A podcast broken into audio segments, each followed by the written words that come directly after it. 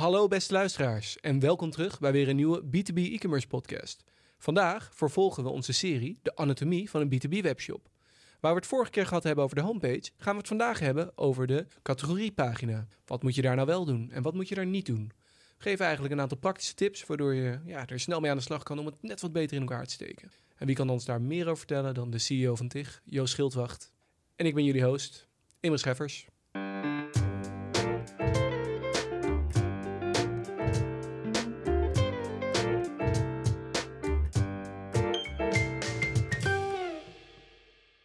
Hallo Joost, daar Hallo. zijn we weer. Vorige keer heb je nou, wat leuke nieuwtjes gedeeld, nou nieuwtjes, wat leuke informatie gedeeld over eh, de homepage. En dat eigenlijk steeds een beetje af lijkt te nemen hoe be- de belangrijkheid ervan, althans als het eerste kanaal waar mensen per se op terecht moeten komen. Eh, en vandaag gaan we het hebben over de categoriepagina. Mhm. En eh, misschien, eh, ja, ik heb daar ook wel een tijdje mee geworsteld. Met wat is nou precies een categoriepagina? Want is een categoriepagina nou de pagina waar je op klikt als je het hebt over bijvoorbeeld kleding van t-shirts? Of is kleding aan zich ook al een categorie? Of is heren een categorie? Of zijn het allemaal subcategorieën? Ja, dat zijn vragen die ik dan zelf heb. En ik ga hem even terugleiden naar een vraag voor jou. Vanaf wanneer noem je een, een pagina een categoriepagina? Leuke vraag. Eh, omdat die elke keer weer anders is. Een eh, categoriepagina eh, verschilt per webwinkel, maar ehm, je, had, je noemde net kleding. Nou, dat is nou een mooi voorbeeld voor een webwinkel voor een categoriepagina. En onder dan kleding vallen dan ja, babykleding bijvoorbeeld of kleding voor volwassenen. Maar als je naast kleding ook telefoons verkoopt, dan is telefoon ook een categoriepagina. Dus het verschilt per keer. Wat de gemeenschappelijke noemer is, is dat alles, eh, dat producten gegroepeerd staan eh, en dat je vanaf daar eigenlijk door kan navigeren. Ja, een laag dus- dieper. Nou, dat lijkt me een goed antwoord. Dus wat je precies zegt is dat je eigenlijk dat de producten op die pagina moeten staan om een categoriepagina te zijn. Ja, gegroepeerd bij elkaar. Ja, Ja, dus als je een, bijvoorbeeld een, een categorie hebt kleding en Mhm. daaronder vallen dan subcategorieën, bijvoorbeeld eh, heren, dames. Ja. Is dat dan alsnog voor jou een categoriepagina of is dat dan meer een soort van, ja, hoe noem je dat dan? ja een subnavigatie-item, is dat een categoriepagina? Ja, ook. Eh, je, je, het is alleen één niveau dieper. Ja, Ja, dat is dan de vraag hoe je dat dan eh, presenteert. En, eh, ja, we gaan er straks specifieker op in hoor, op de, op de categoriepagina zich, zoals je net noemde. Maar Mhm. ben je daar, het hangt natuurlijk van je shop af, maar ben je er voorstander van om van die, dat soort navigatielevels gebruik te maken? Eh, nou, liever niet. Tenzij niet anders kan als je een retailer bent met heel veel producten, zeg maar, dan ontkom je daar niet aan. Maar hoe dieper het niveau, des te lastiger dat eh, wordt zoeken. En wat je dus ook eh, vaak ziet, bij bijvoorbeeld de weekkamp, zeg maar, dan heb je een hoofdcategorie eigenlijk kleding. En daaronder vallen dan gelijk alle eh, subcategoriepagina's. eh, ja, dus kinderkleding, volwassenen enzovoort enzovoort, zeg maar, waar je direct op terecht komt als je dat dan selecteert. Maar er bestaat dus nog de hoofdcategorie kleding en dan kom je op de algemene categoriepagina voor kleding en dan moet je daar je subselectie maken. Oké, helder. Ehm, nou, dat is even, want zoals je zei, ik vond het onderdeel categoriepagina's waar je de producten ziet, eh, dat is natuurlijk het hoofddoel waar we het nu over hebben. Eh, om dan even gelijk eh, daarop in te duiken, want ja, dat is eigenlijk heel logisch, maar hoe belangrijk zijn die categorieën? Want we hebben het vorige keer gehad over de homepage, dat misschien daar steeds minder mensen op terechtkomen. Je noemde net al, soms komen mensen in één keer op een specifieke categoriepagina terecht. Mhm. Eh, speelt dat nog een grote rol in jouw ogen? Ja, kijk, je homepagina, daar komen heel veel mensen even langs.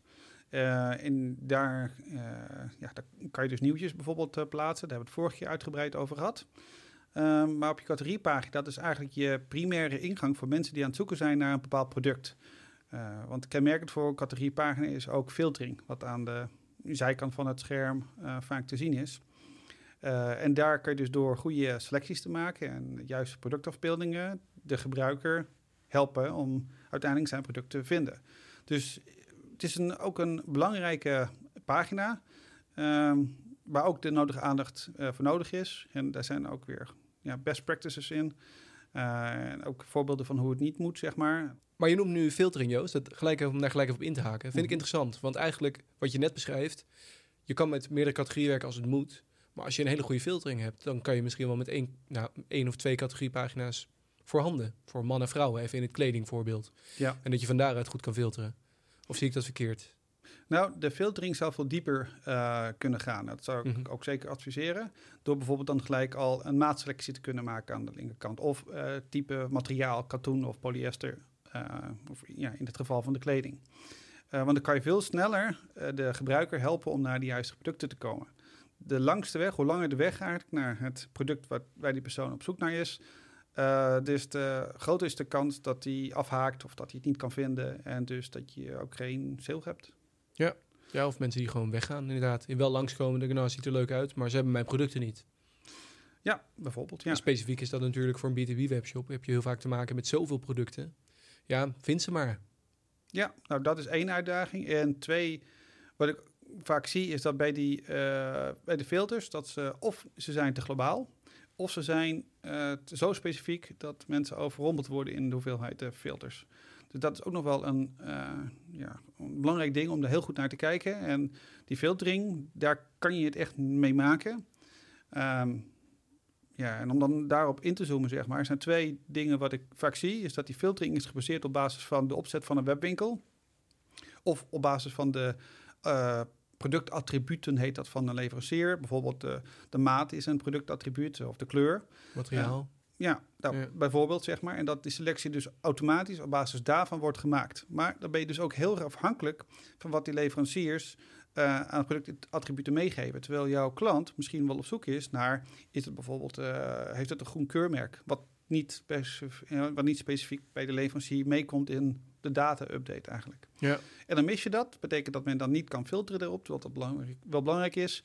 Ja, en iemand gaat niet uh, 300 producten zoeken op basis van zit hier wel het keurmerk op of, of, of niet, zeg maar. Dus dan, dan mis je weer een ja, potentiële uh, klant die tevreden is.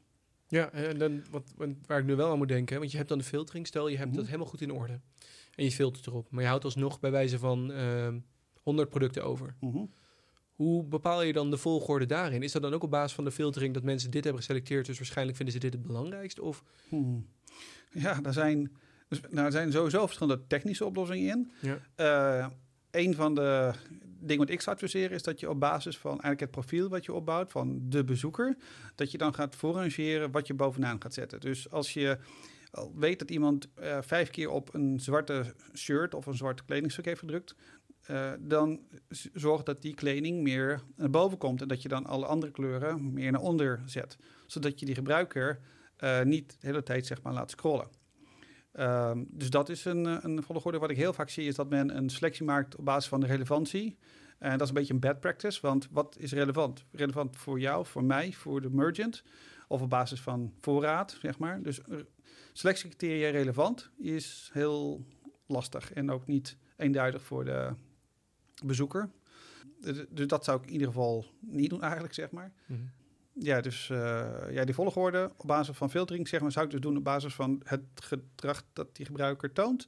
En uh, als je dat niet doet, dan kan je andere factoren hebben. Bijvoorbeeld als je uh, weet dat dit het seizoen is voor zonnebrillen, zeg maar. Ja. Dan zou je die bovenaan kunnen zetten, omdat de kans dat men dan zoekt naar zonnebrillen, zeg maar, groter is in de selectie dan in de winter. In de winter hoef je eigenlijk die producten ja, niet naar voren te halen en die naar beneden.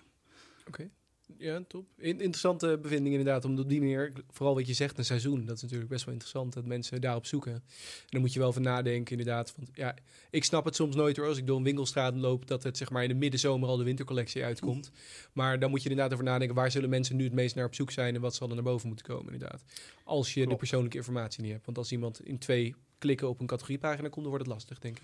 Uh, in twee klikken op een categorie. Ja, ze komen met de homepage, klikken één keer door en dan komen ze op een categoriepagina. Dan kan je nog niet een heel profiel opbouwen op basis daarvan zwarte t-shirts bijvoorbeeld, nee. zoals je het voorbeeld noemt. Nee, maar als die persoon nog vijf keer uh, terug is gekomen, dan weer wel, ja. zeg maar. Ja, oké, okay, ja. Uh, en ja, en je kan die sessiedata kan je, ja, kan je analyseren. Er zijn automatische tools voor die dat zeg maar doen.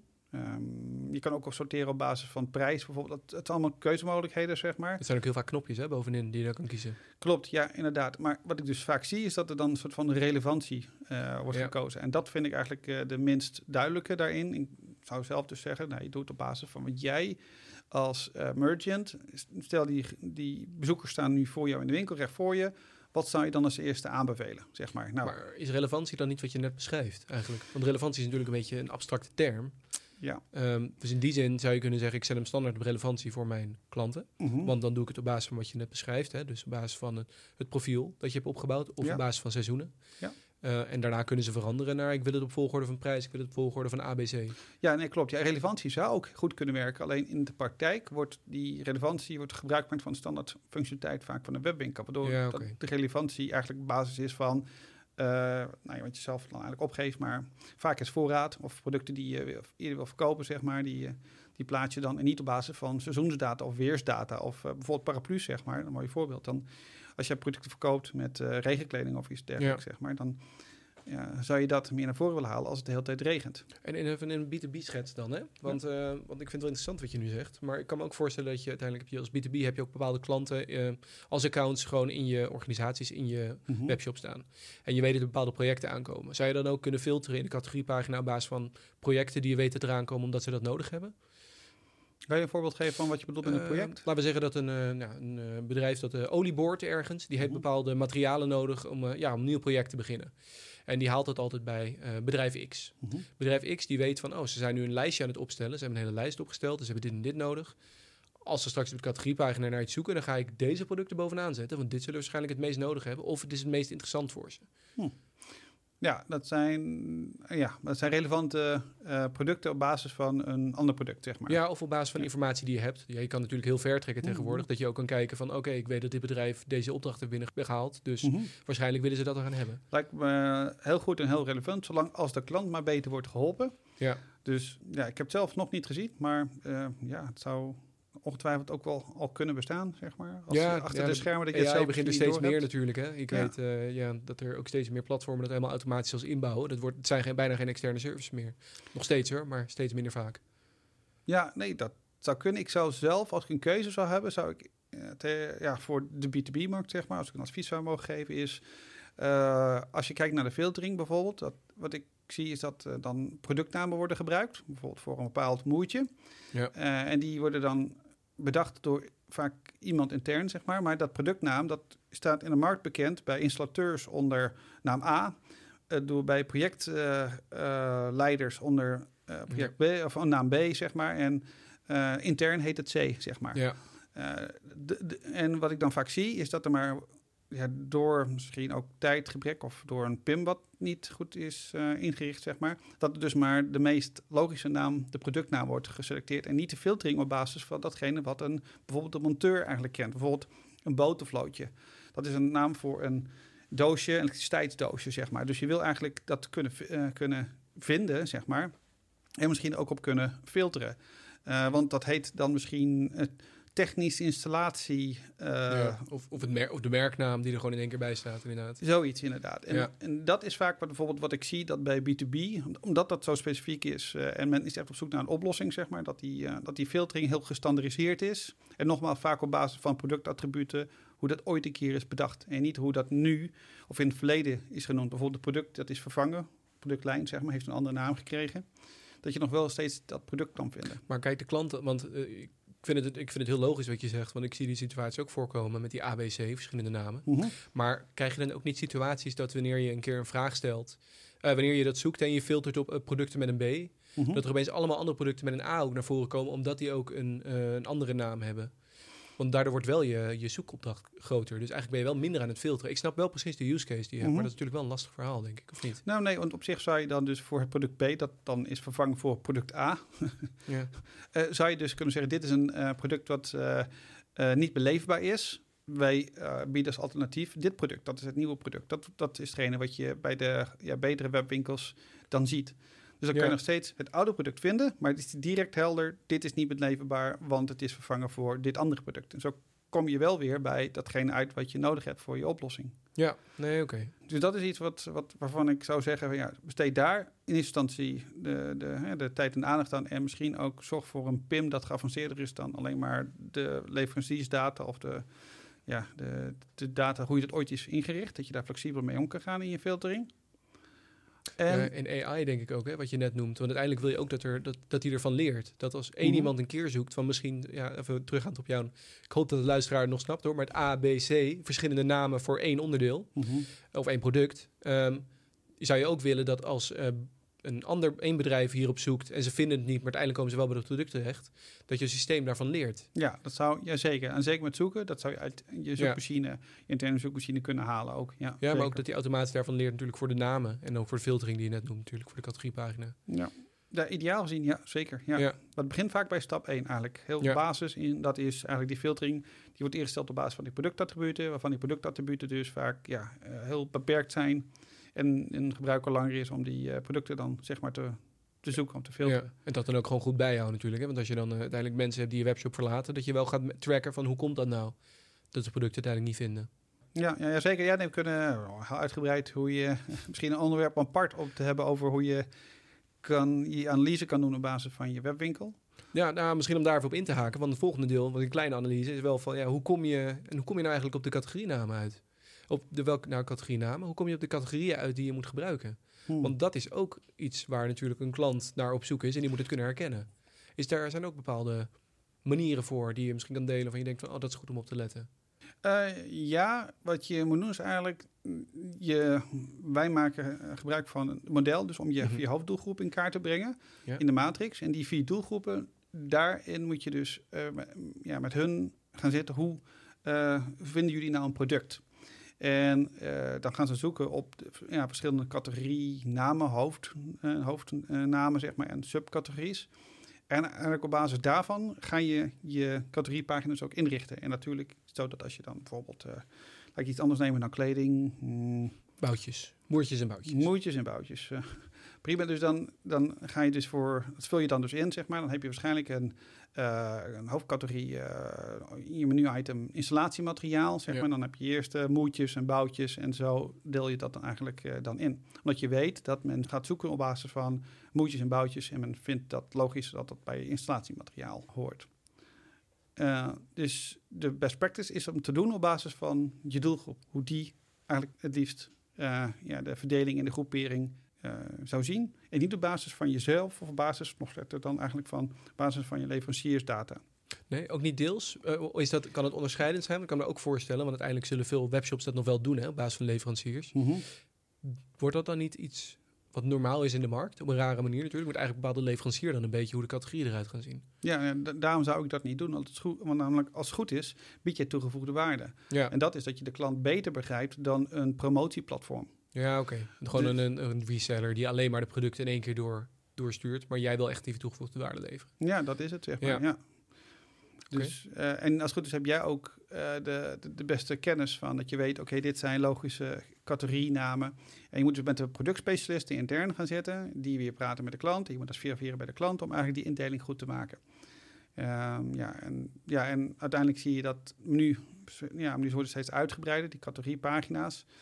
Uh, ja, en dat is dan als een gebruiker handmatig gaat navigeren. In de praktijk natuurlijk vindt ze ook heel vaak gewoon via een zoekmachine. Of als men exact natuurlijk al weet wat men zoekt, komt men uit op een productpagina, dus direct bij het product zelf. Maar als het algemeen iets is, bijvoorbeeld uh, je verkoopt uh, waterpompen, zeg maar. En je zoekt een dompelpomp, zeg maar zoiets dat je dan zoekt op dompelpomp. En vervolgens kom je op de categoriepagina dompelpompen terecht. Dus dat is hoe je het moet inrichten. Ja, en dan moet je zorgen dat, dat er gewoon gelijk helder uitziet. Dat als er dan weer verschillende dompelpompen beschikbaar zijn, ik bedenk maar iets zeg maar. Dat je dat ook weer logisch hebt gegroepeerd, bijvoorbeeld voor uh, professionals, voor hobbyisten, uh, zeg maar, en een soort van semi. Dat je dan drie ja. categoriepagina's daaronder dan weer hebt, zodat je dan de, de pompen van 800 euro uh, kan laten zien en ook de pompen van 150 voor de vijver. Ja, ja, ja. Zodat je inderdaad niet uh, je doodschikt en denkt van ja, nee, deze pompenshop die, uh, die heeft het veel te duur. Is veel te duur voor mij. Klopt. En als je het hebt over schrikken, wat, wat ik dan ook heel vaak, nou nog steeds heel vaak zie, gelukkig ook, uh, ook hele goede voorbeelden van hoe ze dat niet doen, maar dat de productfotografie bij een categoriepagina matig is. Wat, wat houdt matig? Is dat de de verzamelnaam bijvoorbeeld voor, die, voor, nou, voor, voor de boutjes en de moeitjes, zeg maar, dat je ze niet ziet op die categoriefoto. Dus installatiemateriaal, eigenlijk wat je dan zou moeten zien, zijn de uh, producten die je eronder kan vinden. En als jij bijvoorbeeld dan in installatiemateriaal niet de boutjes en de moeitjes laat zien op die foto, maar wel elektrisch uh, draden bijvoorbeeld, dan denk je, oh, wacht even, deze categorie gaat alleen maar over draden. dan kan je die moertjes en die boutjes niet vinden. En is het andersom dan niet ook zo? Dat stel je hebt het niet alleen over de moertjes en boutjes. Ja, het is soms moeilijk, kan ik me heel goed voorstellen, om een perfecte afbeelding daarvoor te vinden. Ja, maar het moet voor de eindgebruiker logisch zijn. Oh ja, ik, ik kan het hieronder vinden. Ja. Dat is het. En, uh, en wat mij opvalt is dat zo'n categoriepagina, dat, en foto, sorry, dat daar niet goed over na is gedacht, of niet voldoende over na is gedacht, waardoor er een foto staat uh, ja, wat niet de lading dekt. En dat is zonde, want dan laat je de gebruiker of langer zoeken, of men denkt, oké, het valt hier niet onder, ze zullen het wel niet hebben, ze zijn de moe, ze gaan weer, en dan gaan, dan gaan ze weer snel zoeken naar uh, iemand anders, of ze gaan de zoekmachine gebruiken. En dan moet ze weer het juiste woord hebben. En als ze die weer niet vinden, dan kom je er niet. Ja. En, en zoekmachines zijn vaak intern ook niet geweldig nog. Nee, uh, gewoon over, als je Grosmodo neemt, dat is een hele goede. Hè? Nogmaals, niet uh, dat ik nou... Uh, zeg dat alle zoekmachines niet werken, maar nee, nee, maar ze zijn nog over het algemeen vrij simpel. Vandaar dat men ook nog ja, vaak sneller via Google eigenlijk het juiste product kan vinden dan via de interne zoekmachine. Ja, oké. Okay. Interessant inzicht over het gebruik van afbeelding, want ik ben er, kan me er wel in vinden inderdaad. Je moet je toch kunnen herkennen waar je naar op zoek bent. Dat je daarin gehoord bent. Mm -hmm. maar nu je het over afbeelding hebt, moest ik opeens aan iets anders denken. Wat ik ook vaak zie, en ik weet niet of dat goed is of niet goed is, dat er op categoriepagina tekst staan. Gewoon stukken tekst, gewoon bijna op logs, mm -hmm. bovenaan de pagina. Mm -hmm. Hoe, hoe, ja, werkt, is dat iets goeds om te doen? Of is dat, uh, ja, ik kan me voorstellen voor SEO dat het handig is, maar ja. ja, het ziet er niet heel klantvriendelijk uit. Tenminste, in mijn beleving. Hoe, maar hoe zie jij dat? Ja, het is altijd een moeilijke afweging natuurlijk. Het wordt vaak gedaan voor SEA, uh, omdat je dan daar uh, tekst in kwijt kan. En dan ja, wordt je zoekmachine-positie mogelijk uh, hoger. Uh, en zonder content is dat natuurlijk lastiger. Het is zo dat mijn uitgangspunt is: is het logisch dat die tekst daar staat? Help je daar de gebruiker erbij? En als het antwoord kan zijn ja, in sommige gevallen wel, nou dan, uh, dan kijk je naar, de, naar je matrix, zeg maar, via doelgroepen, zeg maar. Welke doelgroep wordt daar geholpen? Waarschijnlijk het onderzoekende type, want die wil graag lezen of dit de juiste plek is. Ja. Dan wel. Uh, en dan is toegevoegde waarde. Uh, en dan is, moet het wel in balans zijn met je andere drie doelgroepen. Dat zij niet denken, oké, okay, dit is te veel tekst. Ik ga niet ja. lezen, ik moet snel, want ik wil nu impuls aankoop doen. Dus uh, klik en, en, weer weg. Dan moet natuurlijk ook wel een beetje balans. goed uitzien. Hè? Ik zie soms ook heel erg dat er gewoon het is in het midden. En dat het soort van uh, ja, een hele rare, ja, hoe noem je dat? Een diagram, van, ja, een diagram van de overzicht van de demografie naar voren komen bijna. Een goed voorbeeld, een mooie combinatie van tekst bijvoorbeeld is, een tekst vaak afbeelding, is voor een B2B-webwinkel, dat je uitlegt uh, over de categoriepagina, we hebben verschillende nou, mooitjes, zeg maar, kwalitatieve mooitjes, en alles staat in deze eenheid. En dit is hoe wij uh, onze uh, moertjes meten. En dan een foto erbij of een afbeelding, afbeelding erbij van hoe dat dan eruit ziet. Bijvoorbeeld de diameter, dikte, schroefdraadtype, zeg maar. Dus dan is die tekst 1 voor SEO handig. En tegelijkertijd heeft het ook als doel om de technische mensen die zoeken naar dat product zeg maar, om te helpen met oké, dus alle categoriepagina's, alles wat hieronder staat, wat ik zie, is allemaal ingedeeld op deze manier. Ja. Is dat het antwoord op je vraag die ik kan geven in ieder ja, geval? Ja, ja. Dus, nee, uh, dat zeker, zeker. Het is meer iets wat mij opviel dat ik het soms zie. En uh, ja, ik, ik, krijg er zelf soms een beetje een raar gevoel bij, maar misschien hoor ik dan bij een van die andere groepen en is er niet goed genoeg over nagedacht. Nou ja, dat zou goed kunnen. Ja, de installateur is uh, vaak blij met helderheid, zekerheid en uitleg. Ja. terwijl ja, de projectontwikkelaar, zeg maar, die ja, die wil meer recht toe recht aan, zeg maar. Die weet eigenlijk ook vaak al... Uh, Wat ze moeten hebben, waarom. Die wil eigenlijk het liefst in één keer een quick order. Ik hoef alle pagina's niet te zien. Uh, geef me gewoon mijn lijst en ik wil verder. Bijvoorbeeld, ja. ja. Oké. Okay. Nou, we hebben het al een paar keer over uh, verschil gehad tussen B2B en B2C. Um, maar er is wel uh, voornamelijk waar het dus op neerkomt in jouw ogen, denk ik. Hè? Als ik hem even samenvat, corrigeer me daarin maar hoor. Dat verschil voor categoriepagina's tussen B2B en B2C is voornamelijk dat je vaak met meer producten te maken hebt in B2B. En mensen meer specifiek weten waar ze naar op zoek zijn. En je, ja, je moet het zo inrichten dat ook een van je doel, in ieder geval je hoofddoelgroep, uh, kan begrijpen wat ze daaraan doen zijn en hoe ze er moeten zoeken. En dat ze niet in verloren raken. Ja, ik zou zeggen het grootste verschil tussen B2B en B2C zit hem vaak in filtering.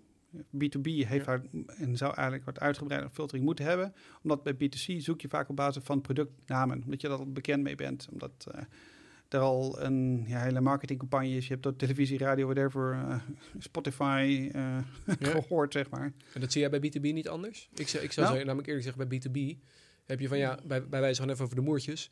Ja, er zijn maar twee moertjes die op die machine passen die ik nodig heb. Dus mhm. ik kan wel een hele categorie door, maar ik, er zijn er maar twee. Uh, ja, dus dat zal je in filtering wel zichtbaar moeten zijn. Maar ja. in, uh, bij B2C kan je meer uh, focussen op basis van de merken, zeg maar. Dus ja, een, okay. een, afbeelding, zeg maar. Dus hoef je niet altijd de filters zo uitgebreid eh, te maken, omdat je al weet dat men gaat zoeken bijvoorbeeld voor koptelefoontjes, op, waarschijnlijk ja. op basis van deze afbeeldingen, zeg maar. En dan kan je de filtering voor de merken, in jouw voorbeeld zeg maar, er meer onderaan in de filtering doen of weglaten op het moment dat je denkt, het is toch niet relevant, want ik heb maar drie of vier verschillende koptelefoontjes. Ja. Is het, ik weet niet of dat al kan hoor, maar is het ook nog een optie om jouw klant dezelfde mogelijkheid te geven om een eigen filters aan te maken? Ja, ik zit te denken, kom ik dat vaak tegen? Hmm, nee, ik kom daar niet, niet tegen, nee. Het zou, eh, ja, het, het goede vraag, leuke vraag. Ik zou hem niet nu 1, 2, 3 kunnen beantwoorden. Eh, Nee, maar dan kunnen we nog even naar kijken. Dat komt wel goed. Eh, ik, ik, ik moest me eens bedenken van ja, je hebt natuurlijk sommige partijen die bestellen zoveel. Ja, die willen gewoon een eigen filtering misschien wel hebben. Maar ja, die zouden, ik denk, nu hardop zeg maar, wat natuurlijk kenmerkend is voor B2B zijn quick order lists. Oftewel, ja. Eh, ja, het snel het op basis van artikelnummer eh, of een korte omschrijving snel je winkelwagen kan kunnen samenstellen. Sneller dan zoeken door al de, al de pagina's. ja. pagina's, zeg maar. Dus ehm, ik denk dat dat is een manier. En het tweede is eh, dat je maar gebruik maakt van een accountpagina voor B2B om je herhaalbestellingen te kunnen doen op basis van een eerdere, zeg maar, Ja, dus eigenlijk is dat een soort van filtering. Wanneer je gewoon een herhaalbestelling wil doen, dan staat die eigenlijk al gereed. Ja, Ja, nee, oké, helder. Oké, ehm, nou, ik denk dat we een aantal interessante onderwerpen hebben eh, ja, aangeraakt hier. Ik had niet verwacht dat we zo lang over de categoriepagina konden hebben. Maar ik zal het hem even kort samenvatten voor de luisteraars. Ja, je geeft dus aan een categoriepagina. Dat, daar komt eigenlijk op neer. Dat is een pagina waarin je ja, een goede opdeling hebt van de producten. En waarin ja, je ze eigenlijk makkelijker terug kan vinden. Uiteindelijk ook met de hulp van filtering. Heel belangrijk. eh, om bij het juiste product uit te komen. Eh, waarbij belangrijk is dat er bij B2B wel soms wat meer uitdagingen in zitten om de filtering goed te laten werken. Dus dat je daar wat meer aandacht aan moet besteden en zorgen dat er ja, de juiste filtering beschikbaar is om daardoor bij terecht te komen. En ook dat je ja, in, eh, goed moet kijken naar de afbeelding die je bijvoorbeeld gebruikt voor de categoriepagina's. Zodat je wel weet van ja, dit is waar ik moet zijn. En niet zoals het voorbeeld dat je gaf, dat een moertje niet eh, te zien is op een afbeelding. Terwijl dat eigenlijk de key is van wat er in die categorie staat. Dus dat je daar goed op let. Evenals dat je ook moet nadenken over hoe noem ik mijn categorieën. Eh, want je kan wel in één keer uitgaan van hoe de leverancier het eh, aanlevert aan jou. En dat doen misschien heel veel van je concurrenten. Maar misschien is jouw klant eh, wel naar iets heel anders op zoek, naar een andere use case. En herkennen ze zich daar niet in. Dus ga altijd uit van je klant en niet van de informatie die reeds beschikbaar is. En ook niet vanuit jezelf in die zin, maar draai het gewoon om en test dat ook vooral. Nou, dat zijn denk ik hele ja, praktische, handige zaken waar eh, gelijk even naar gekeken kan worden. Ja, en in de volgende podcast zijn we weer terug eh, met deze serie, eh, de anatomie van de B2B-webshop. En dan gaan we het specifiek hebben over de productpagina's. Dus eigenlijk de pagina waar je op terecht komt als jij uiteindelijk je product hebt gevonden op de categoriepagina. Wat moet je daar nou doen? Wat is nou het handigste om daar rekening mee te houden? En daarvoor zullen we een, eh, een andere expert aanhaken die ons alle ins en outs over een productpagina gaat vertellen. Ik wil je voor nu in ieder geval jou, Joost, heel erg bedanken. graag gedaan. Tot de volgende keer, beste luisteraars en kijkers.